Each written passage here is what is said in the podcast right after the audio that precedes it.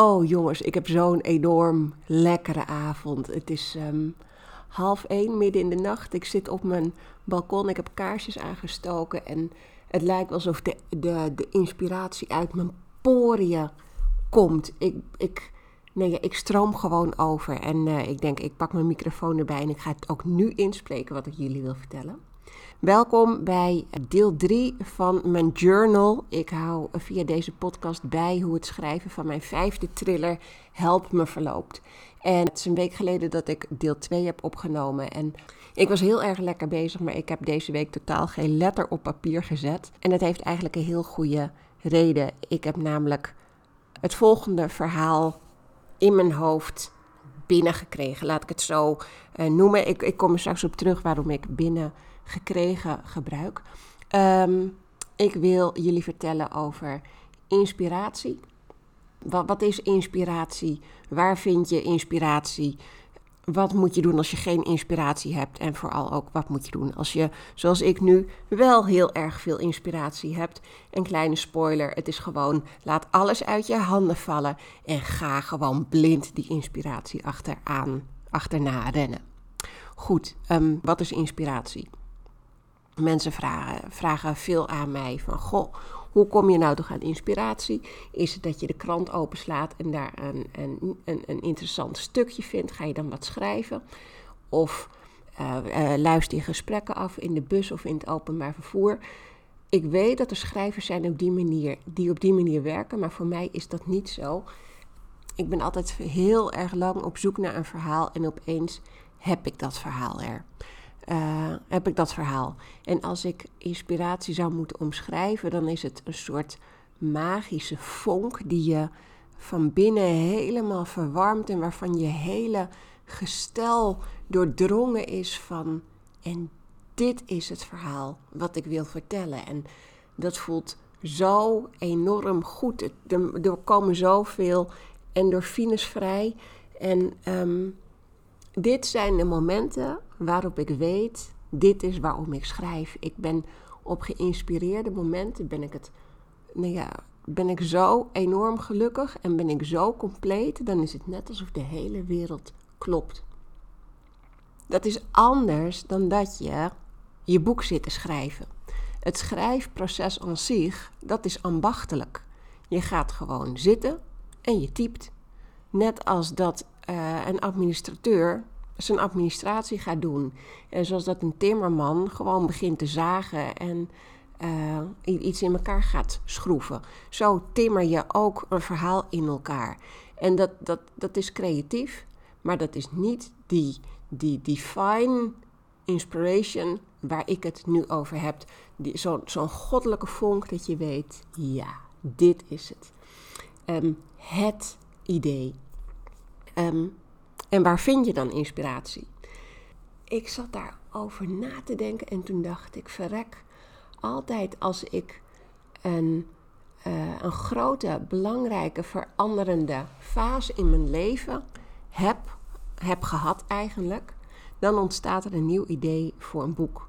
Mijn eerste uh, thriller, Later als ik dood ben, schreef ik uh, toen ik al ver was in het verwerken van mijn liefdesverdriet na mijn eerste scheiding. Ik was er heel erg ziek van geweest. Ik klom er weer een beetje bovenop en daar was dat boek. Uh, mijn tweede thriller, Later als ik dood ben, schreef ik toen ik uh, mijn tweede echtgenoot leerde kennen. En toen was ik hartstikke verliefd. Mijn derde boek, Meisje van me, schreef ik met uh, mijn dochter naast me in de, in de wieg. Ze was uh, één week oud. En toen dacht ik, hé, hey, ik ga een boek schrijven over een baby van één dag oud die verdwijnt.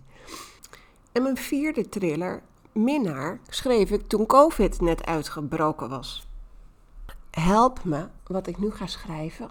Nou ja, dat, dat ontstaat nu ik zo'n beetje klaar ben met het liefdesverdriet van mijn tweede echtscheiding. En ik merk echt heel erg dat ik een gigantische stap heb gezet in mijn verwerking.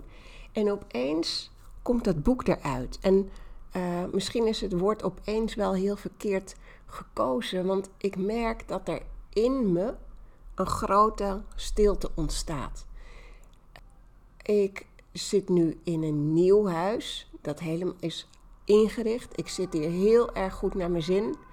Ik heb geen financiële stress. Ik heb, uh, nee, ik heb allemaal lieve mensen om me heen. Uh, mijn dochter die is uh, ongeveer 50% van de tijd is bij de vader, waardoor ik heel veel stilte om me heen heb. Um, ik heb vriendinnen om me heen die ik vertrouw. Ik heb nou ja, mijn ouders met wie ik een goede band heb. En tegelijkertijd hoef ik niet elke avond met iemand aan de telefoon te hangen. Ik reageer nooit op appjes. Niet nu, maar gewoon nooit niet. Of kans, ik reageer er wel op. Maar iedereen weet dat je soms bij mij een week moet wachten op antwoord. Um, ik heb die stilte heel erg nodig. En ik geloof dat uh, stilte de voorwaarde is om inspiratie te krijgen. Elizabeth Gilbert, dat is de auteur van Eten, Bidden en Beminnen, onder andere. Die heeft een prachtig boek geschreven over inspiratie en creatief leven. Dat boek heet Big Magic. Uh, anders dan dat de titel doet vermoeden, is het gewoon een Nederlands boek. Het is echt de, de aanrader wanneer je uh, een geïnspireerd leven wilt leiden. En het gaat over veel meer dan boeken schrijven. Het, nou ja, ze zegt al wil je op een boetseerclubje uh, nou ja, daar is dat boek voor geschreven. En het is een heel erg Amerikaans boek. Toen ik dat, uh, dat boek las, toen moest ik er echt even aan wennen. Want het idee dat zij neerzet, is dat, dat er ideeën door het universum zweven. En dat die ideeën op zoek zijn naar, naar portals, naar, naar mensen die die ideeën om willen zetten in in tastbare verhalen. Dus verhalen of op papier, of op beeld, of in een liedje, of in een beeld. En uh, ja, zij ziet mensen, of ja, scheppende mensen, dus als uh, doorgeefluik van ideeën die al bestaan. En daar heb ik jaren aan moeten wennen aan dat concept. En ik dacht, ja, weet je, daar heb je weer zo'n Amerikaanse vrouw die dat dan allemaal zit te bedenken. Maar inmiddels uh, vind ik dat eigenlijk wel een hele erg mooie gedachte. Want zo voelt het ook. Het is net alsof dit boek Help Me mij gevonden heeft. In plaats van dat ik mijn verhaal gevonden heb. En dat, dat is ook meteen het antwoord op de vraag: ja, wat doe je nou als je geen inspiratie hebt? Stel je voor dat, dat, dat het universum gevuld is met ideeën die verteld moeten worden ik zie mezelf een beetje als een ontvanger voor die ideeën. En net zoals dat je een satelliet op het dak hebt, ja, het, het, het, het klinkt nu echt waarschijnlijk heel belachelijk, maar ik kan in mijn bed liggen als zo'n satelliet die zich openstelt. En dan lig ik met mijn uh, armen naast mijn lijf en mijn handpalmen omhoog. Ik probeer mijn, mijn, mijn borst of mijn hart te openen. En om de stilte toe te laten en om dan de inspiratie binnen te krijgen. Wat daarvoor helpt, is wel de vraag stellen wat je binnen wilt krijgen. Want je kunt wel zo gaan liggen, maar ja, gebeurt er alsnog niks. Um, je moet wel, of dan zo werkt het voor mij, uitdragen: ik wil graag een boek schrijven. Of nee, ik wil graag weet ik het, een, een, een serie schrijven. Ik wil na de, of nee, ik wil niet, ik ga na de zomervakantie ga ik uh, beginnen met een opleiding voor scenario schrijven. Ik, het lijkt me echt geweldig om, om films en televisieseries te schrijven. En uh, ja, weet je, dan ben je daarmee bezig. En opeens was er dus deze week een idee voor een miniserie. Uh, het, het, is een, een verhaal waarvan ik het concept al veel eerder heb bedacht. Maar dat concept kwam maar niet van de grond. En nu opeens denk ik, ja, maar zo moet het.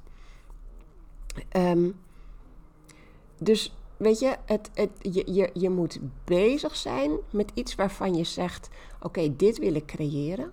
Vervolgens moet je echt de vraag stellen aan het universum: Ik wil een idee hebben. En vervolgens moet je daarvoor openstaan. Maar de balans is dat je die vraag moet stellen en tegelijkertijd ook weer los moet laten. En dat is juist het moeilijke. Want je kunt wel denken, ja maar ik moet nu een idee, ik moet nu een idee, ik moet nu een idee. Dan ga je dat idee zitten dwingen. Je gaat er enorme controle op uitoefenen. En dan werkt het dus juist niet. Want dan denkt een idee, ja maar nu ben ik niet vrij om tot je te komen op de manier waarop ik dat wil. Ik klink nu zelf ook een beetje als een zweverige Amerikaanse, uh, hoor ik. Maar goed, dat is een, een betere manier weet ik niet om dit, uh, dit uit te leggen. Ja, dus nee, je moet ervoor openstaan. En voor mij werkt, nou ja, wat ik dus al zei, stilte heel erg. Um, wat ook enorm werkt, is vertrouwen hebben. Vertrouwen hebben dat het komt. Voordat je weet wat je wilt gaan creëren, heb je altijd de periode dat je niet weet wat je wilt creëren. Voordat je iets weet, is er altijd een periode van het niet weten. En dat niet weten is, uh, is, is voor de meeste mensen, voor mij helemaal, zwaar oncomfortabel. Uh, ik ben nogal uh, een control freak. En dat niet weten geeft me echt het gevoel dat ik in pijloos diep, donker water zwem, waarin allemaal uh, nare haaien en kwallen en weet ik het wat rondzwemmen. Het, nee, ik, ik heb graag vaste grond onder mijn voeten. Ik wil gewoon weten met welk boek ik bezig ga. En het liefst ook nog met welk boek daarna en welk boek daarna. Um, maar die, dat, dat is mijn uitdaging in het leven om die periode van niet weten te omarmen. En het comfortabel zijn bij het niet weten, dat schijnt een hele vrouwelijke energie te zijn. Uh, je, je, bij mannelijke energie heb je daadkracht, doen, actie ondernemen. Uh, vrouwelijke energie daar tegenover, dat staat voor vertrouwen hebben en dus uh, het laten gebeuren. En nou ja, daar oefen ik me in, in die meer vrouwelijke energie hebben. Um, nou ja, wat ik zei, hè, als een ontvanger lig ik dan daar af en toe in bed. Wat ook heel erg helpt, is je handen ballen uh, een, een, een vuist maken, mannelijke energie. En dat je dan je vuist loslaat, je vingers zoveel mogelijk spreidt. Dat is vrouwelijke energie. En dan, dan maak je ook fysiek dat je open staat voor de inspiratie, voor wat er komt. Dus dat maak iets, iets heel ergs mee in je leven. Vind daar rust in. en uh, ga vervolgens aan de slag. Ga hopen dat je een, uh, een, een, een, idee toegeworpen krijgt. Maar ga het niet zitten, zitten forceren. En sta daar dan vervolgens voor open. Zo simpel is het. Not. Goed, um, wat, wat moet je dan vervolgens doen als je inspiratie hebt? Als je inspiratie hebt, grijp het bij de strot en laat het niet meer los. Dat is de reden waarom mijn telefoon altijd naast mijn kussen ligt. Uh, als ik uh, s'nachts wakker word, ik ben elke nacht zeg maar van drie tot vier wakker. Dat is mijn mijmeruurtje.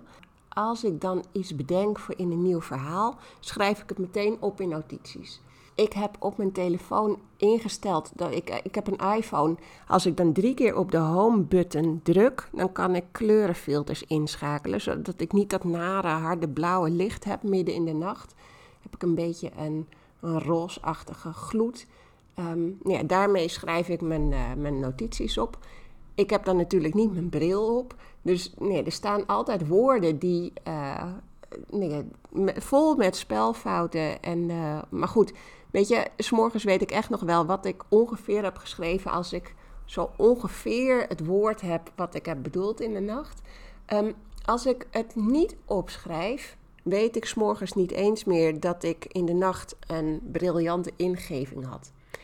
En die briljante ingevingen zijn soms s'morgens echt totaal bizar dat ik ze meteen weg kan gooien. Maar ze zijn vaker nog gewoon goed. Want in de nacht heb je die ultieme stilte. En uh, je, je bent helemaal opgeladen van de slaap. Je bent vol met energie. En dan komt het eruit. Dus Noteer het meteen. En um, zoals nu, hè, dat ik opeens een idee heb voor een serie, daar heel enthousiast over ben. Ik zou eigenlijk, of ik, ik heb me voorgenomen om help met te gaan schrijven. Vorige week heb ik verteld dat ik daar uh, eh, 7000 woorden van heb geschreven. En ik was van plan om deze week door, meteen door te stomen naar 15.000 woorden. Ik dacht, ik ga echt meteen vliegende start maken. Maar goed, daar was mijn idee. En wat ik net al zei, pak hem gewoon meteen vast. Um, ik heb alles laten vallen en ik ben dit idee gaan uitwerken. Het klinkt als vertraging van mijn manuscript, maar het is een versnelling van de rest van mijn schrijfcarrière.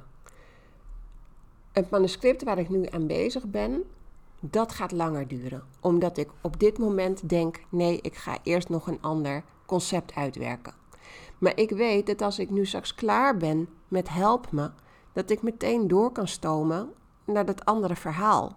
En dan komt de ambacht om de hoek kijken. Dat is een kwestie van zitten, uitwerken, schrijven. Niet honderd keer naar de wc gaan, maar gewoon gaan tikken. Daar is veel minder die speciale vonk voor nodig. Goed, dat gezegd hebbende. ik, ik hoop dat ik jou een beetje heb geïnspireerd om, uh, om te gaan schrijven. Ik zou zeggen, creëer. Geef jezelf de toestemming om dat te gaan doen waarvan je droomt. We zijn aan het eind gekomen. Ik zou het heel erg tof vinden als je mij een uh, eh, 5 sterren beoordeling geeft op het podcastplatform waar je nu luistert. Dat inspireert hopelijk weer andere mensen om dit ook te gaan luisteren. En uh, mijn droom is om heel veel mensen te bereiken met deze podcast en hen zo aan te zetten tot, uh, nou tot het leven, tot het leiden van een creatief leven vol vrijheid en vol inspiratie. Goed, hier laat ik het bij en uh, ik wens je een hele fijne nacht of dag of ochtend. En tot volgende keer.